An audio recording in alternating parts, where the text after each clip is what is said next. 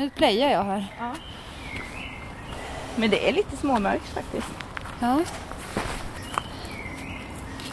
Det kommer ju bli mörkare och mörkare också. Vad är det? Jag vet inte. Något, något djur. Något djur.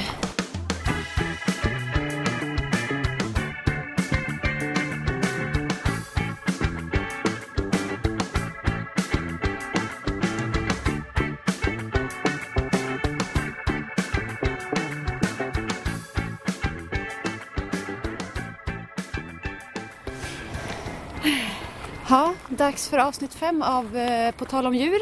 Ja, och vi är ute i skogen. Vi är ute på jakt. Eller Kan man säga? safari. Safari är vi. Eh, vi. Vi ska leta efter ett litet slemmigt djur. eh, och vi har med oss en, eh, en väldigt fiffig bok om det här djuret. Ja, Så att vi ska veta vad det är vi hittar, om Mm. vi hittar någonting. Mm. Och Vi har fått vänta tills det har blivit mörkt och eftersom det är juni nu så fick vi vänta ett bra tag. Ja, så det är nästan natt här. Ja. Ska vi gå in lite till. Här ser det lite gräs och fuktigt ut. Mm. Det har i alla fall regnat lite. Ja. Nu ska vi se. Det djuret vi letar efter i alla fall, det är ju sniglar. Ja, precis. Så vi får väl se. Ska rafsa runt lite här och titta. Här känns det snigelvänligt. Jag blir så här, det känns inte lite torrt men man får väl prova sig fram. Alltså på snigelsafarin då. Vi har ju inte varit på det innan. Nej, det här är verkligen första gången. Här har vi en! Har du hittat den? Titta vilken fin! Vänta, jag ser inte Kom hit.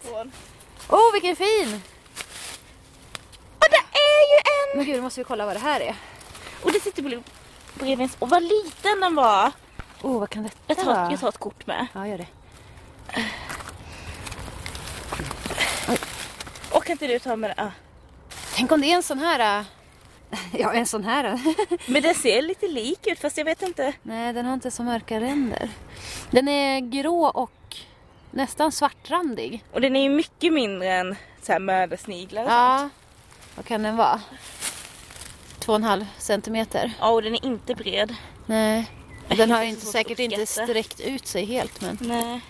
Ja, vi måste kolla. Åh, en det är en spindel också. För i den här snigelboken som vi har med oss så ska ju alla arterna som finns i Sverige vara med. Precis. Så antingen så hittar vi den här Eller så eller så har vi hittat en ny art. Åh, tänk om vi har gjort det. Precis. Men det kan ju vara en uh, ungsnigel kanske. Alltså den kanske inte liksom är fullvuxen. Nej, det är möjligt. Vad är det här nu? Är det en kölsnigel? Jo. Är det inte det? Ja, det skulle kunna vara. Jag tycker det ser likt ut. Oh, den här äh, bilden äh, får vi skicka till en expert. Ja. Vi har varit och träffat en expert. Ja, det har vi. För vi har faktiskt inte kommit på den här idén om att gå på snigelsafari helt själva. Nej, vi blev faktiskt eh, tipsade, eller uppmanade att göra det för att det är väldigt spännande. Ja, Och vi har inte varit ute i många minuter nu och ändå hittat den. eller hur? Det Så var att, ditt eh, eh, snabba öga där. Ja. Eh, vi var på, um, Naturhistoriska museet i Göteborg. precis, och träffade en som kan allt om sniglar.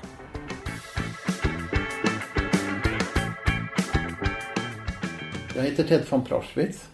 Jag är förste museiintendent på Naturhistoriska museet här i Göteborg. Doktor i zoologi är jag också. Eh, jobbar mycket med land och sötvattenslevande mollusker som man säger, alltså blötdjur. Då har vi ett antal sådana som lever på land. Snäckor och sniglar, jag skiljer på det där med snäckor och sniglar. Snäckor har ett yttre skal. Sniglar har det inte. Så att när vi säger att vi äter sniglar så är det ju inte sniglar utan det är snäckor, det är vinbergssnäckor som vi äter. Och av de då som saknar ett yttre skal så har vi 23 arter i Sverige. Det är inte så många arter överhuvudtaget som lever på land. Det är ungefär 135 totalt. Och alltså då 23 av dem är det jag kallar sniglar. Jag undrar, vad, vad består en snigel av? Är det Alltså är det som en enda stor muskel eller hur är de uppbyggd om man säger? Ja, man kan ju säga så att eh, de har underst har de en muskelskiva, alltså en, en, en, en krypsula. Det är en fot med muskler som rör sig, alltså tre olika fält där musklerna kontraherar olika så att snigeln kan röra sig framåt. Ovanpå det så ligger det en säck med inälvor som är inuti den. I främre delen av snigeln då ser man att det finns ett hål på högersidan. Det går in till deras lunga. Man kallar det manteln, den där lilla kapplika delen som ligger fram till på snigeln. Och så fram till i huvudet, eller fram till så sitter huvudet med fyra stycken tentakler.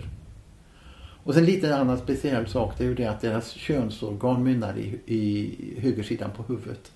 Jaha. Ja, så det är lite speciellt för de här djuren.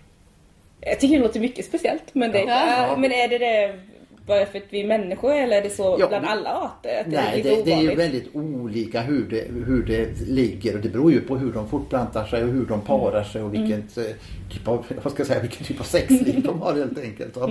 Och man, vi jämför ju med att vi människor också tycker att det som vi är, det, det, man jämför med oss och då tycker man det är konstigt. Ja. Men, men, men naturen är det som har eh, selekterats fram genom urval och som passar de här arterna bäst och som fungerar bäst för dem. Som är det det som gäller. Men hur är sniglarnas sexliv då? Hur ofta får de... eh, Ja, det intressanta med sniglars sexliv det är väl kanske det att de är det man kallar hermafroditer. De är alltså tvåkönade så varje individ är både han och hona. Och när de parar sig då parar de sig både som han och hona som befruktar varandra. Jaha. Och det säger ju det att eh, de har en väldig fördel sen i sin fortplantning för att varje individ lägger ägg. Det är, inte bara, det är inte hälften av populationen som får avkomma som det är hos djur som är, två, alltså är skilkönade, där man har hannar och honor. Utan alla kommer att lägga ägg. Och det kommer att gå väldigt fort då för dem att bygga upp en stor population. Och sen så eh, har de ju också en specialitet att de kan faktiskt klara sig själva. Så normalt så parar de sig. Men hittar de ingen partner så kan många arter befrukta sig själva. Och det är ju en, en liten hemlighet varför snart som den så kallade mördarsnigeln har kunnat sprida sig så snabbt. Det är att eh, det räcker med ett enda ägg eller en enda snigel som kommer in på en ny plats. Ja, för då kan den fortsätta föröka sig på egen hand. då? Precis, den befruktar sig själv va? och sen lägger den ägg. Och sen lägger den arten väldigt många ägg, kanske upp till 400 ägg per individ och det är väldigt mycket. Oj. Och hur lång tid tar det innan de äggen blir en egen snigel? Ja, man brukar säga att äggen behöver på sig ungefär fyra veckor för att utvecklas, så att de alltså kläcks. Ja. Och sen den lilla snigeln som kommer ur ägget, den behöver ytterligare ungefär fyra veckor för att bli könsmogen.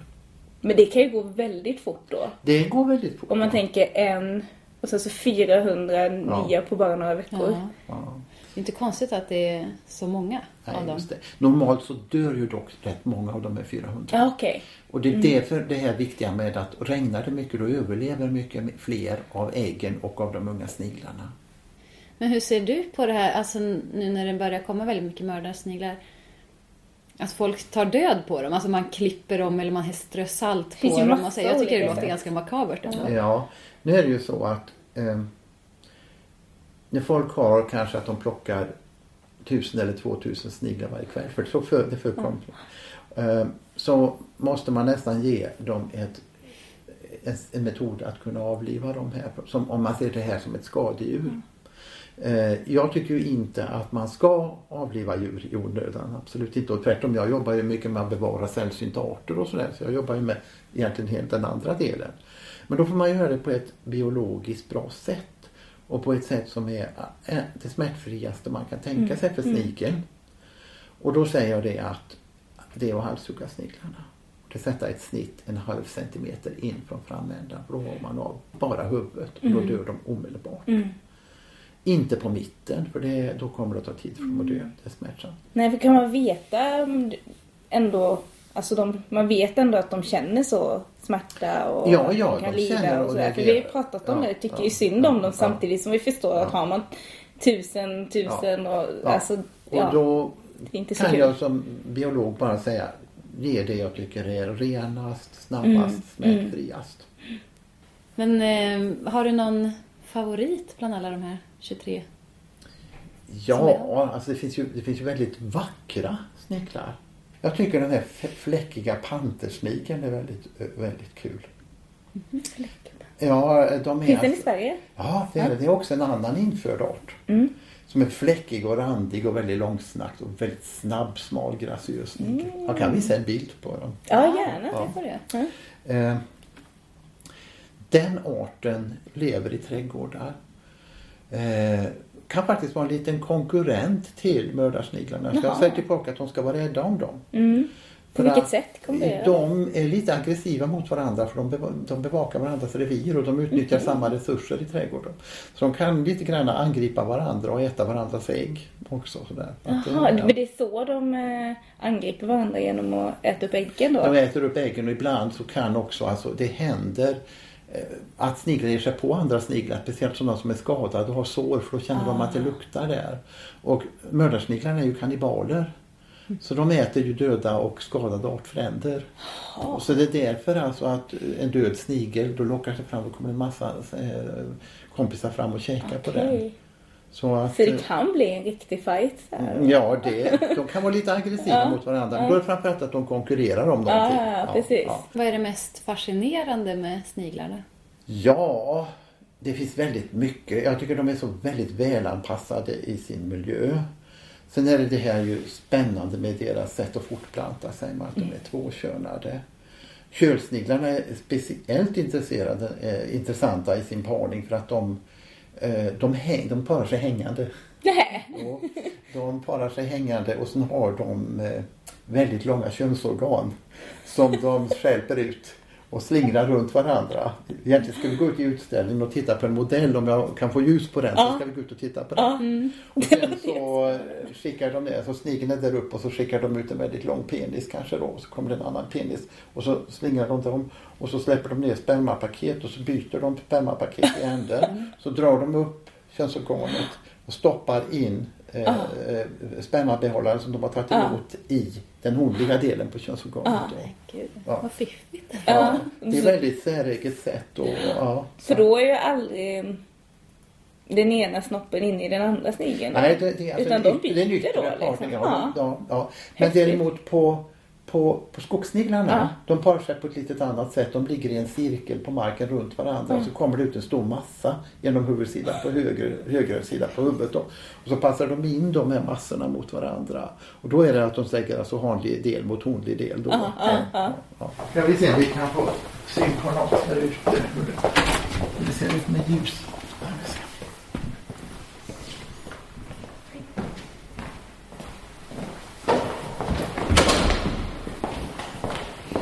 Oh, det är som den där filmen.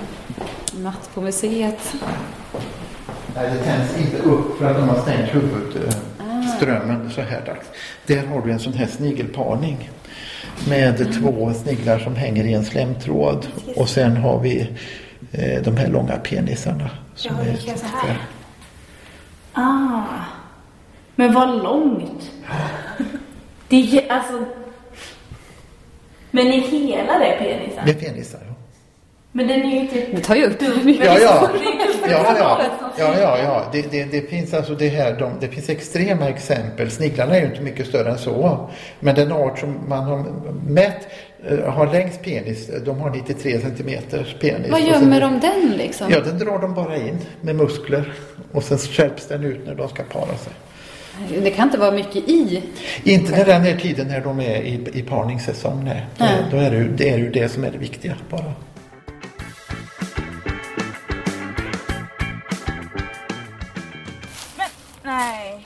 Det var ett gammalt ekollon.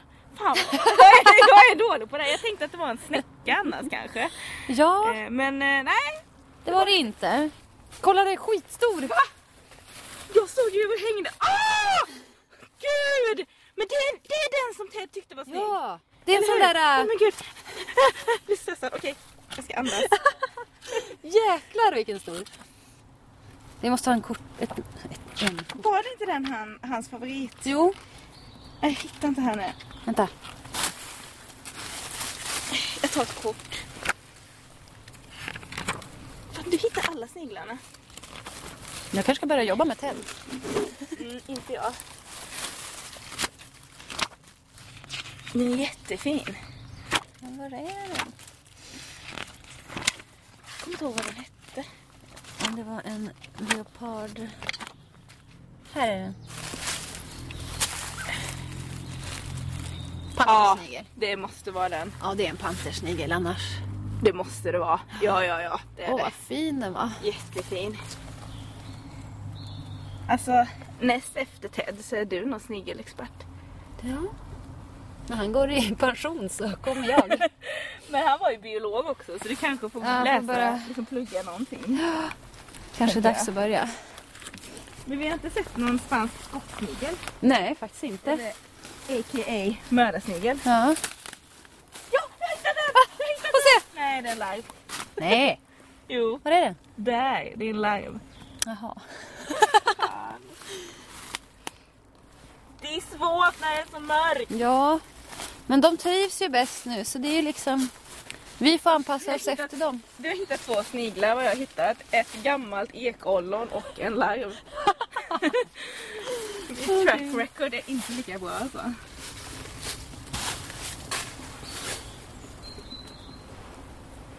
Jag var lite läskigt. Till! Jag tyckte det var läskigt. Det gick inte fram. Men det där, är det en vanlig skottsnigel eller? Jag vet inte, den är helbrun. En trädgårds... Ja, det är någon trädgårdsnigel och någon typ annat djur. För, eller vad menar jag med skogssnigel? Jag menade nog trädgårdssnigel. Jag får med mig 300 löv här i boken också. Det är tre olika sorter jag hittat. Ja. Jag har hittat. Tycker jag. Jag har också hittat tre olika sorter men det var ju helt andra grejer. Helt andra Här! djur. Jag har hittat den! Jag har hittat den! Jag har hittat den! Åh! Jag det är också en sån! Ja, det kanske inte är en ny art men det är den som jag har hittat. Det är också en sån brun. Men det måste också vara en sån trädgårdssnigel. Hej! Oj, jag ville ta, han hade ju dem uppe och så, så stängde jag bort Ah. dem. Vad heter de spröten? Kolla här. ögonen ju. Ögonen. Oj, jag petade dem i ögat, sorry. Med ett löv.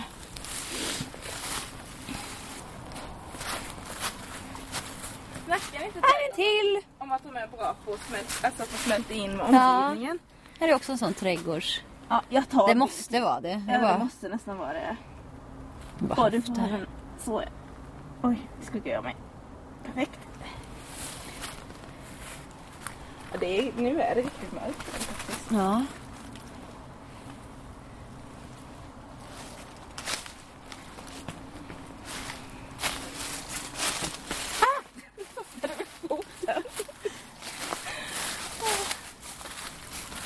Det enda vi vill mer nu är några som parar sig. ja. Kom igen nu. Är det parningssäsong nu då? Liksom, vissa sniglar sa han ju, de parar sig ju hela tiden kan det som. Så att de, de har väl ingen hel säsong sådär. Nej.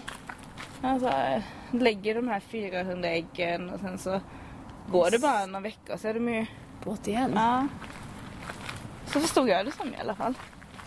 Och plus det här, de kan para sig med sig själva. Ja, just det, i värsta fall. Det är en smidig funktion. Ska vi vila lite? ja. Här kan vi sitta. Hittar du tillbaka sen Peter? Ehm, ja, men jag tror det. Oj. Vi kanske ska köra lite på taktiken, de får komma till oss. Ja, men precis. Vi sitter här och ser väldigt snigelvänliga ut så. Precis.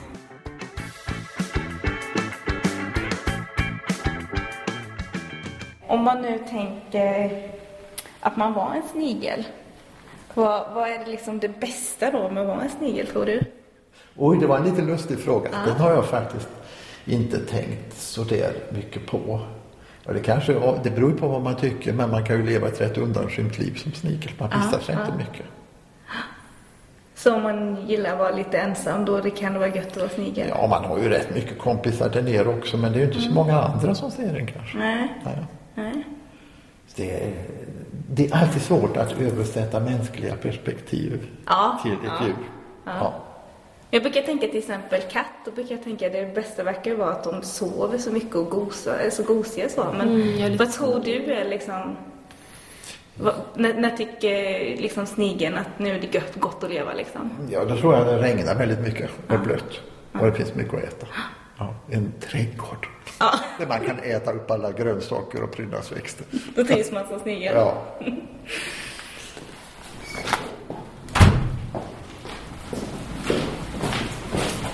Men man brukar ju så här, anklaga sniglar för att vara långsamma, både sniglar och snäckor egentligen. Mm. Men vi pratade lite om det. Du hade en intressant fråga där Petra. Ja, men jag tänker i förhållande till deras storlek. ja.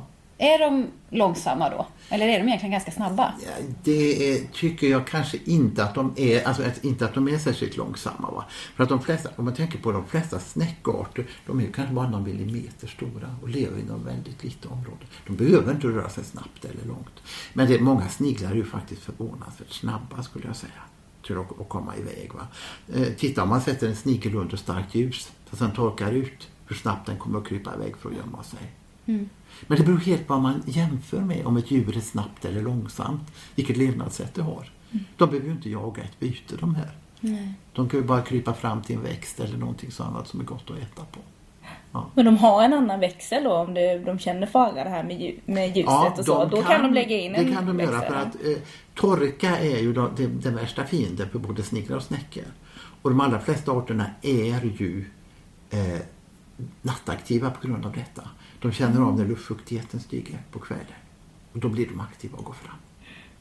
Men Hur snabba skulle de vara om man ska jämföra med en människa? Alltså om den var typ lika stor, eller förstår du vad jag menar? Ja, det, det är ju lite svårt att göra den jämförelsen för det finns ju många små djur som är väldigt mycket snabbare än vad en snigel är. Mm. Sant.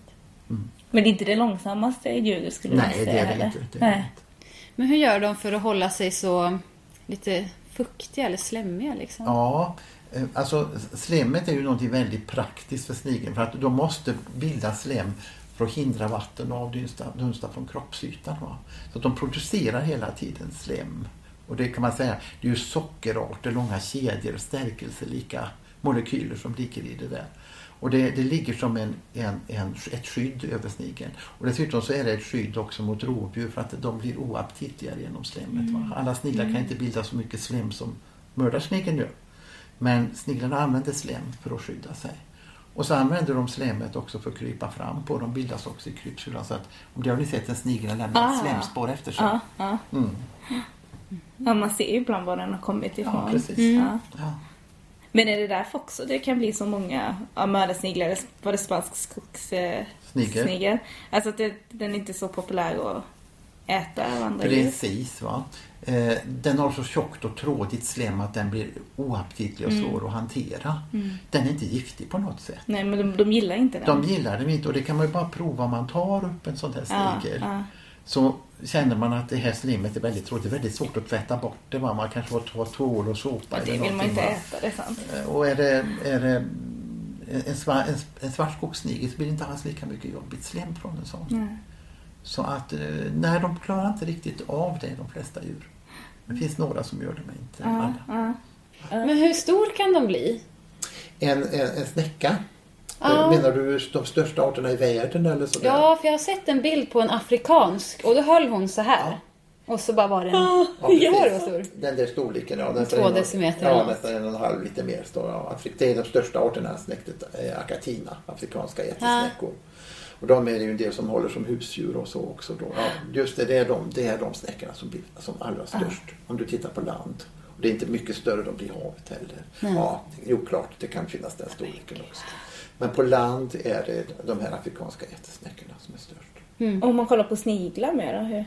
Ja, de största sniglarna vi har ju i Europa egentligen de här kölsniglarna som blir bortåt 20, lite över 20 centimeter. Det är de största arterna. Det är stort alltså. Ja. Men hur tjocka är de? Ja, de, är ju också ganska smala då. Ja, okej. De är mest långa. De är Men inte så grova de, liksom. Sen kan de ju dra ihop sig, då ser de inte alls så stora ut. Så kryper de iväg och då blir den väldigt långsträckt. Så man kanske har sett den väldigt stor utan att ha fattat det för att den ligger och Ja, det tror jag. knölar Man ihop tänker sig. inte på, på det. Och det är framför att eh, de flesta människor har inte sett sniglar i riktig aktivitet För att de är ju nattaktiva Mm. De är beroende av luftfuktigheten.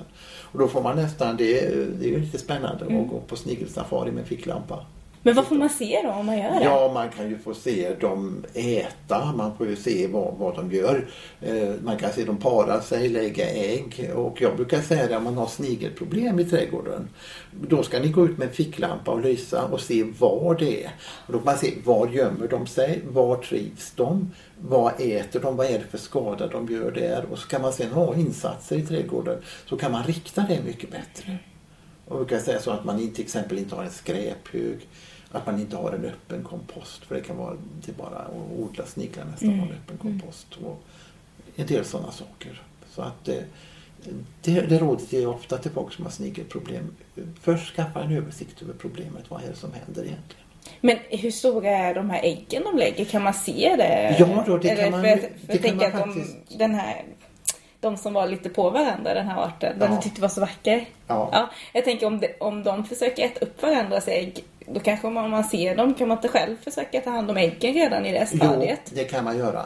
Eh, de här stora snigelarterna, alltså pantersnigel och vår inhemska svarta skogssnigel, spanska skogssnigeln och ett par till. De har väldigt stora ägg som kanske är hela 4 millimeter i diameter. Det ser man ju om de Ja. 400 med. Och sen läggs de, de lägger inte alla 400 på en gång. De är smartare är än så. luriga så, De ja. portionerar ut dem Ja. över flera veckor.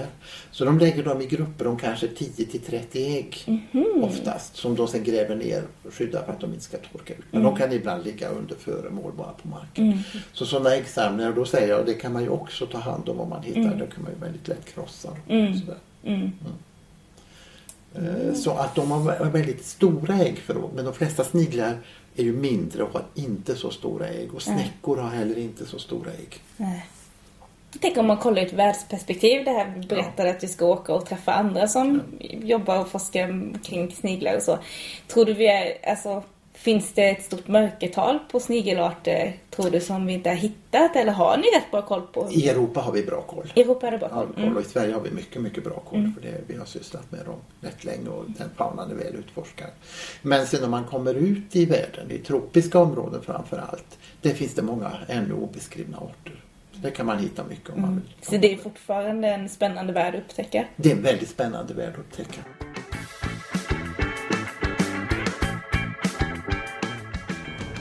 Men vad var det som du tänker att du tar med dig mest ifrån det här mötet med Ted? Mm. Jag tyckte det var mest roligt att han var så, så intresserad. Alltså han tyckte verkligen det var roligt. Ja. Och jag tyckte att det var roligt. Jag hade ingen an eller jag tänkte inte att det skulle vara så mycket med sniglar, men det var det ju. Ja, det var jättemycket. Sen tycker jag att det, det lät ju väldigt skönt att vara snigel. Mm. Mm. De har nog väldigt bekvämt liv, Mm. känner jag. Så ja, det kanske är snigel man ska bli i sitt nästa liv. Ja, för de blev ju mycket äldre än vad jag trodde de skulle Ja. bli också. Det med. Ja. Eh, jag tänkte kanske att de nästan bara levde ett eller två år eller alltså något så här jättelitet. Mm. Men det var ju någon som hade blivit 37. Ja. Och så här, var det inte någon sjö... För jag kommer inte ihåg om det var snäcka eller snigel nu. Men som Nej, hade blivit... det var ju också en liksom skillnad så som här- jag inte visste. Nej men att de kunde bli så här liksom 200 år. Ja, herregud. Det är ju galet. Så att... ehm, ja, verkar vara rätt soft ändå. Ja. Vara snigel. Men jag tänkte att det som var är en snäcka. Mm. För mig har ju det alltid varit en snigel. Ja! Du Ja. vet på emojis och så. Jag har ju Ja. skickat en emoji sen med eh, snäckan. Ja. Bara sniglar så. Ja, Nu var det inte då och jag hittade ingen snigel-emoji. Så det är någonting jag tycker jag ska ta ja fram. det, det får vi pusha för, Mm, mm, tycker jag. mm. Ehm, så det är kul med, alltså Ted han verkar vara så, alltså det känns som att han har typ det roligaste jobbet han kan ha. Mm, absolut, han passade verkligen på sitt jobb och det var verkligen men jag kände att det var ett privilegium att få träffa honom Ja. och få lära mig så mycket om sniglar och Ja, snäckor. precis. Ja. På tal om ett eh, annat, eh, ett drömjobb för många. Ja. Kanske vi ska... ja, precis. Alltså, det är en kanske inte... snackis. Ja, det är mer en snackis än en nyhet för den har ju...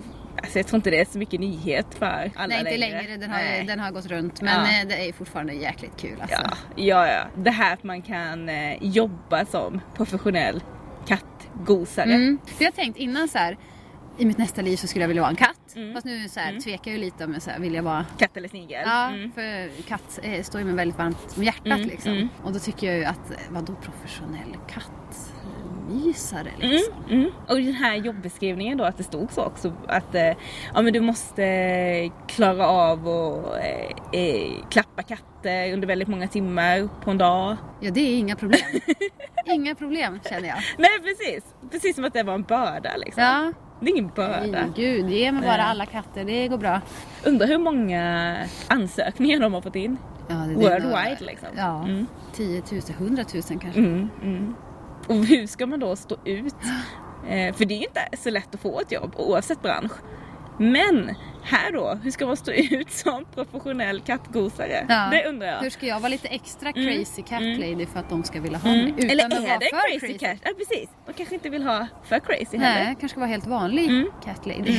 För, det, för det var ju ändå på eh, en veterinärklinik så att det måste ju ändå vara någon form av professionell sätt att föra dig på också. Det kan ju inte bara vara att du går runt och bär på katter liksom. Nej precis, det måste ändå ha någon, ja det måste ju vara en struktur på Ja, det hela så att man precis. inte bara går och roffar åt sig alla katter. Nej men ah. precis. Och sen så, ja. Nej men det får väl bli vår sån snackis idag. Ja, det tycker jag. Mm. Men vi ska ju snacka om eh, ett annat djur också. Ja men precis, du fick ju, det, du fick ju egentligen två uppdrag förra avsnittet Petra. Det skulle du prata om ett djur och sen skulle du lära dig att härma det här Fast djuret det här också. Charlotte, det här är någonting som du har hittat på. det här du, det här jag du sa det. drömt. Nej, ja, du jag sa det det. men jag har aldrig sagt att jag ska göra det. Nej fast jag bestämde ju att du Nej, skulle nej, göra nej, nej, nej. Du, du har hittat på. Det. Ja. Det här är en önskedröm för dig. Men det här kommer, aldrig, det här kommer inte ske. Men... eh, Du kan väl berätta vad det är för djur då i alla Ja fall? det kan jag göra. Det är ju den eh, tasmanska djävulen. Som eh, jag drog ur våran burk Mm. förra veckan. Mm. Eller förra veckan, förra avsnittet i alla fall. Och eh, nu har jag hittat massa information om den tasmanska djävulen. Mm, kör, kör. Eller pungdjävul.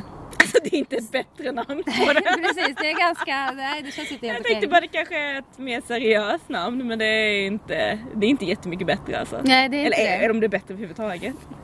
Ja, den heter i alla fall också det. Och eh, inte helt otippat så är den ju ett eh, pungdjur. Ja det hoppas jag nästan. Ja. och eh, vad är då ett pungdjur? Man kan ju lätt tänka sig att det här är, ja de har stora pungar. Hanarna. Ja. Det, det är det första jag associerar Ja. till och tänker nej vad otrevligt. Men det är väl som kängurusarna att de Precis. har en sån pung? Ja, precis. Alla pungdjur är ett däggdjur. Men det är att ungarna föds väldigt outvecklade. Så då krålar de in liksom till mammans pung då som hon har på magen. Mm. Och där fortsätter de växa. Mm. Det är ju, ja, kängurun och koalan har ju samma upplägg. Och en eh, tasmansk djävul, när den föds eh, så är den ungefär lika stor som ett russin. Pytte, pytteliten. Men det visar större än ett russin. Jag vet inte vad jag, 12 millimeter. Ja, Är det ungefär så här tror jag. ja kanske. Det är Eh, jättelitet. Jättelitet, så bara en hudfärgad. Man kan knappt se att Men det är ett det- foster. Nej men har den ens så här armar och ben då? Liksom? Nej, det är bara som en liten klump nästan. Fast du kan ju, om- alltså om du kollar så, ja, du kan ju typ se det. Mm. Men skulle jag bara se en ligga så skulle jag inte fatta att det var, Nej, nej. att det var ett Mm. foster. Honan då, hon föder 20 till 30 sådana här små ungar efter cirka tre veckors gra- graviditet. Och så krålar de här. Dels så kryper de ut. Hon behöver inte krysta ut dem utan de liksom kryper För då ut. måste de ju ha något sätt att. Ja, då Ja. har de ju ändå något. Ja, Ja, mm, någonting. Mm, mm. På något sätt när det väl är dags då Mm. kryper de ut, kryper de upp där längs magen och så åker de in, smyger I de in. pungen. Ja. Kommer vi till en liten knepig grej. Ja. 20 till 30 stycken. ja, det är jättemånga. Ja, det är jättemånga. Och honan har bara fyra stycken bröstvårtor, eller spenar. Så att det är först till kvarn. Och det är brutalt Ja, alltså. så det är liksom kravlar dig in, sug tag och sen så släpper de inte. Det är för att de inte sen ska kunna Men de ramla andra av. dör de då? Då dör de, de andra. Så det är ju väldigt sorgligt. Det är rätt brutalt. Ja, eh, så det är bara fy, ja, fyra till två stycken föder de, eller ja, Ja, som växer i pungen. ja Mm. som blir sen en tasmansk djävul. Mm. Liksom. Mm. Och de här fyra då, eller två eller hur många det nu är som lyckas klamra sig fast vid en bröstvårta. De eh, ligger där inne sen i 100 dagar. Cirka. Jaha. Mm. Och växer Så till graviditeten är jättekort men den måste leva i pungen väldigt länge. Ja, precis. Och sen så de här ungarna Så har mamman gjort som ett litet bo i något träd eller någonting och så får de ligga där sen när de väl har kommit ut och de har fått hår och de ser ut som de ska. De kan ja, öppna ögonen och allting. Mm. Men de är ändå inte liksom helt färdiga då? De behöver ändå skyddas och ja, sådär? Mm. det tar väldigt lång tid innan de eh, sen ger sig iväg och liksom, Mm. ja, lär sig saker. Tasmansk eh, djävul finns endast på Tasmanien som är då en ö utanför Australiens Mm. södra kust. Eh, de har funnits på fastland eller i Australien också men eh, inte längre, de blev utrotade därifrån. Det är ju ett nattdjur Mm. och eh, det är det största kvarlevande köttätande pungdjuret som, som finns kvar. Och de är lite så svarta i pälsen, så kan de ha lite vitt så. De har fem klor där fram på framtassarna och fyra där bak. Och de här klorna, de går inte att dra in så de är ständigt ute liksom. De ska kunna Känns opraktiskt. ja, krafsa runt. Mm. Jag skulle säga att de är som en, eh, en lite mindre hund. De kan Mm. Ja, 30 centimeter mankhöjd eller vad man ska kalla det. 70 centimeter långa Inte ungefär. jättestort ändå Nej. men ändå. De är inte Mm. så stora. Men i förhållande till den här storleken så har den fortfarande det starkaste bettet av alla dägg- däggdjur. Så du kan ju tänka dig att bli biten av det här lilla hundaktiga Aha. djuret som Ja. bara, men alltså det är så starkt liksom. För när de äter så äter de oftast as. De jagar inte så mycket utan det, de äter oftast eh, redan döda djur. Och då äter de allt. Alltså det är inälvor, det är päls, det är ben, det är precis allt. Det finns liksom ingenting kvar när de är färdiga. Ehm, och så kan man se så här, just... Inte kräsna helt enkelt. Nej det är de verkligen inte, det är bara hugger in. Man kan se att ju större eller tjockare svans de har, desto mer gödd är de. För de sparar fett i den. Det är deras grov. kagge liksom. Ja. En grov svans, då är det Då väl har gödd. man, ja. Det är ju så- väldigt intressant funktion. Ja, det är det. Ja. Verkligen. De har lite större öron. Alltså det är lite runda, lite, små, lite små stora öron. Men så har de väldigt små svarta ögon så här. Så de är ganska gulliga liksom när man tittar på dem. Mm. De ja, söta. Men eh, det här eh, att eh, de kallas för djävul. Ja, var kommer det ifrån Ja, då? det är för att eh, tydligen så är de helt jävliga att ha att göra med. De skriker och de gapar och de ylar och håller på. Alltså väldigt, väldigt mycket. Eh, så om de håller på och tjafsar om mat eller liksom bråkar. Alltså det kan höras på liksom flera kilometers avstånd. Då hör man det här. Ja, när de tjafsar med varandra liksom. Ja, när de skriker på varandra. Och det är liksom ett väsande fast också ylande skrik. Ska inte ge dig på det då? Nej, det ska jag inte. Jag tänkte smyga in det lite fint och se om jag fick med mig. Nej. Nu när du var så engagerad. Nej, det ska jag inte. Och det här också. Eh, när de blir nervösa eller om de vill skrämma sina fiender så släpper de ut en sån äcklig stank. Precis som skunken. Så det är liksom, de skriker och håller på samtidigt som de luktar skit. Och eh, äter as. Så är det. Men Det är bra att någon har de egenskaperna också men på ett sätt kan jag förstå varför den har fått sitt namn ändå. Ja, men det, är- de är ju jävliga för oss. Mm, mm. För varandra är de nog helt okej. Ja, liksom. precis. precis. Men sen har man upptäckt, eller de senaste 20 åren så har cirka 80% av den här eh, populationen dött ut. Nej! I, ja, i, de har fått en smittsam form av cancer och då får de den, alltså de får tumörer i ansiktet. Nej, så usch. stora tumörer som gör att det blir svårt att äta och ja, den här, Ja. liksom att de kanske klarar sig ett halvår med den här cancern och sen Nej, Men usch, det låter jätteläskigt. Ja, och det smittar ju via bett. Så de biter varandra när de tjafsar och håller på. Eller när de delar mat och sådär. Mm. Så den är ju klassad som eh, starkt hotad. Och den beräknas dö ut inom 20 till 30 år. Oj, så! Men då handlar det om vilda så kanske i djurparker Ja, kan jo. man liksom lyckas ha dem kvar. Men, jo, men i det ändå, vilda. 20-30 år är inte, det är inte så länge Nej. liksom. Det är nutid på något sätt. Ja, men däremot så man jobbar på ett vaccin faktiskt. Som man håller på och testar och se och Mm. försöka rädda dem. Men eh, det är såklart väldigt svårt. Så Mm. att, eh, eh, men de har släppt ut några friska djur sådär. Mm. Eh, och försöker väl få det här att... Då kanske borde hitta en teknik och eh, ta hand om alla de här små fostrarna. Mm. Som, I, eh, i någon, sån- någon sån mega bra kuvös liksom. ja, med massa bröstvårtor. Med Ja men precis för de är ju hur många som helst liksom. Ja, precis. Det är Som- faktiskt ja. smart. smart. I alla fall så finns det runt 15 000 tasmanska jävlar. Ja, det var bara en fjäril. Jag trodde det var ett stort djur. Åh, vad är det läskigt. eh, Ja, förlåt. ja, det finns 15 000 tasmanska jävlar just nu. Det är, ja, är det, men det är inte jättemycket då. Det har minskat, antar jag då, eftersom de har fått den här cancern. 80% har försvunnit. Ja, så det var de fanns ju väldigt, väldigt många. Ja. Och om eh, ja, 26 ungar dör varje gång och att det inte finns tillräckligt med bröstvårtor så mycket svinn. ja, men precis. Fast det är ju i och för sig säkert utplanerat på något sätt. Ja, det måste ju vara det. Ja. Men jag, alltså, jag tycker det är ju väldigt sådär ehm, alltså smart på ett sätt. Att eh, föda ut dem eller att de själva kan klättra ut så tidigt. Mm. För att De bara- sen spelar det ingen roll om man ligger i en pung eller i en mage liksom. Nej.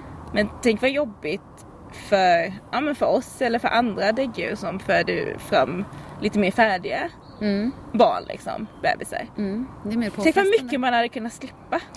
Tre veckors graviditet och sen bara ja, men ha liksom en ficka istället. Ja, man kommer ju se likadant ut liksom. Fysiskt. Ut, ja men fysiskt liksom. Bara att man slipper liksom Man få ut den där. Ja, den där lite jobbiga mellan förlossningen. benen. Ja precis. Ja. Väldigt Eh, smart. Ja, det är en väldigt bra lösning. Men om du nu inte tänker eh, härma den. Mm. Kan vi inte få höra ett klipp på den då? Eh, jag ska se om jag kan hitta något. Ja, men eh, innan, för jag är lite sugen på att leta fler sniglar, men innan det ska vi dra nästa veckas? Ja, det tycker kanske. Då är det min tur att dra. Mm. Ska vi se här, ska vi se här. Jag vet inte vad jag ska hoppas på. Räv!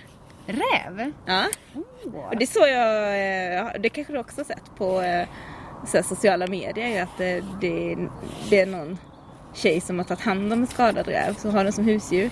Ja, jo men henne följer jag. Ja, Mm. gulligt. Mm. Ja, de är skitfina. Mm. Ja, men det finns säkert massa som Ja, inte har du vet. sett räv? Nej, jag har aldrig sett en räv. Jo, jag har det det. en liten. Jo. Ja. Men Vi hade en rävfamilj utanför mina föräldrars. Oh, vilken lyx. Ja, det kommer inte ihåg det var, men någon... Jag kanske inte bodde där då, men eh, ja, det var hälsa på. Så då såg vi räv. Mm. Ja, nej men det blir jättespännande. Plus att jag har ju liksom en liten historia av att tycka att tecknade rävar är lite heta. Alltså, är det Det vilda djurens flykt?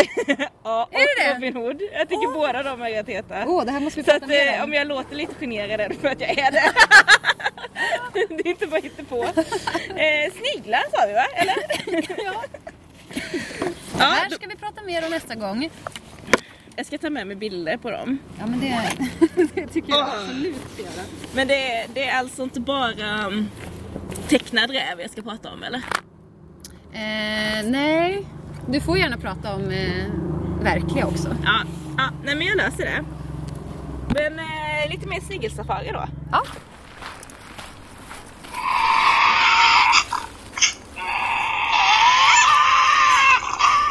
Vad var det? En tasmansk djävul. Jag trodde det var du Petra. In your dreams.